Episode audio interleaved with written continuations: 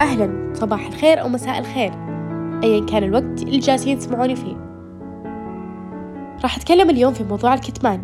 قبل ما نبدأ مع بعض بالحلقة جيبوا قهوة أو شاهي أو أي شيء خفيف كذا عشان نبدأ مع بعض. كل عام وأنتم بخير. سنة سعيدة عليكم يا رب. إن شاء الله تكون سنة 2023 مليئة بالإنجازات والتجارب وأولا الصحة والعافية يا رب علينا جميعا. آخ الكتمان عذب قلوب ناس كثير. أغلب الناس في هذا الزمن يكتمون كل حاجة تصير لهم. سوالف أحزان حلطة مصياح أي شيء حرفيا يكتمونه. ويحسون إنه ما له داعي يطلع هالشيء خصوصا أحزانهم. كثير كثير يكتمونها. الكتمان شيء غلط ويمشي بين بعض الناس بمنظور غلط. زي مثلا لما تكونون جالسين تسولفون مع شخص ويجي هالموضوع ويقول لكم هالشخص والله أكتم أحسن من إني أفضفض لشخص. وخلاص يصير ببالي الأغلب إلا وفضفضوا بيقومون الدنيا. لا لا مرة لا. بالعكس فضفضوا وطلعوا اللي بداخلكم سواء لشخص تعزونه أو لربي أو لأخصائي نفسي. أو تجيبون ورقة وقلم وتكتبون وتسردون وش صار وش ما صار. في كلام قاهرني جالس يدور بين المجتمع. والصراحة أنا أبغى أبدي رأيي الخاص فيه. واللي هو الدنيا ما عاد صار فيها أمان اكتمي. أنت رجال تبكي. صرت كبيرة وتبكين طفلة طفلة أنتي دراما الموقف ما يستاهل والله. أم دميعة أنت يا بكاية. تراك تسولفين واجد اسكت شوي. ما حد يهتم. تراك أوفر في ناس يقولونها بطريقة مزح. وفي ناس لا يقصدونها. وفعلا أنا أشوف معنى هذا الكلام استصغار لحزن الشخص. أو سوالفه أو أيا كان. وأصعب ما يواجه الإنسان هو استصغار مشكلته بشكل غبي ومقرف. يعني أنا أجي وأفضفض لك أنت بكل بجاحة تجي وتقول كلمة من هالكلمات. لو أنا جاهلة بتبع كلماتك. وأحاول ما أبكي لأني كبرت. وأحاول ما أسولف لأن ما حد يهتم لسوالفي.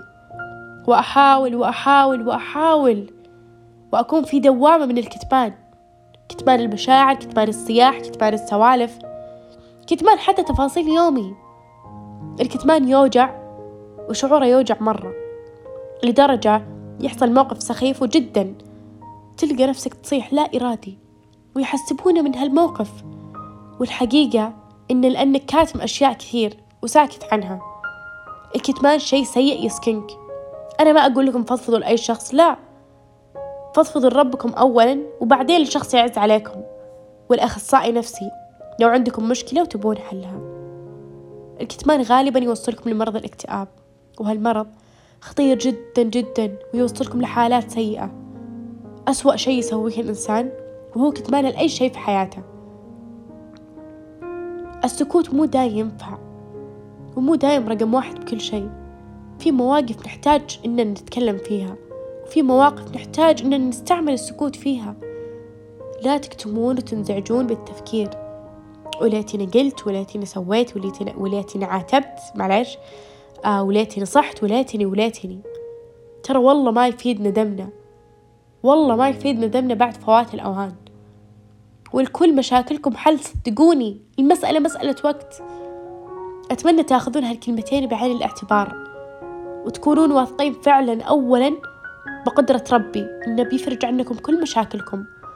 ثانيا توثقون إن كل شي بيتيسر وبيروح وبيعدي بالوقت.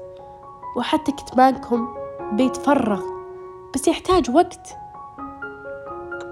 الوقت شي مهم والله. نحتاج وقت عشان ننضج نحتاج وقت عشان نتعلم نحتاج وقت عشان نحاول نفضفض ونحتاج وقت حتى في نزول هذه الحلقة. أنا أحتاج وقت عشان أنزلها. والوقت لا راح ما حد بيرجع لو إيش. فعشان كذا فرغوا مشاعركم بوقتها. لا تستنون فرصة ثانية. أو موقف ثاني. طولت عليكم ولكن أتمنى أكون أفدتكم. لا تكتمون أي حاجة. ولو ودكم تجوني وتقولون لي بسوالفكم أو بأي شيء فأنا جاهزة. المهم والأهم ما تكتمون وتضرون أنفسكم بكتمانكم. ونفسكم لها حق عليكم صدقوني قبل ما نختم حابة أوجه خالص شكري لأهلي وصديقاتي ومعلماتي. في دعمهم لي بالفترة اللي مضت. تحفيزهم لي وكونهم فخورين فيني. هذا عندي بالدنيا والله. وكذا نكون انتهينا من موضوع اليوم. أتمنى إنه أفادكم. وأتمنى إن البودكاست ينال إعجابكم. وشكرا كثير على دعمكم لي. أنتظروني في بودكاست آخر بإذن الله.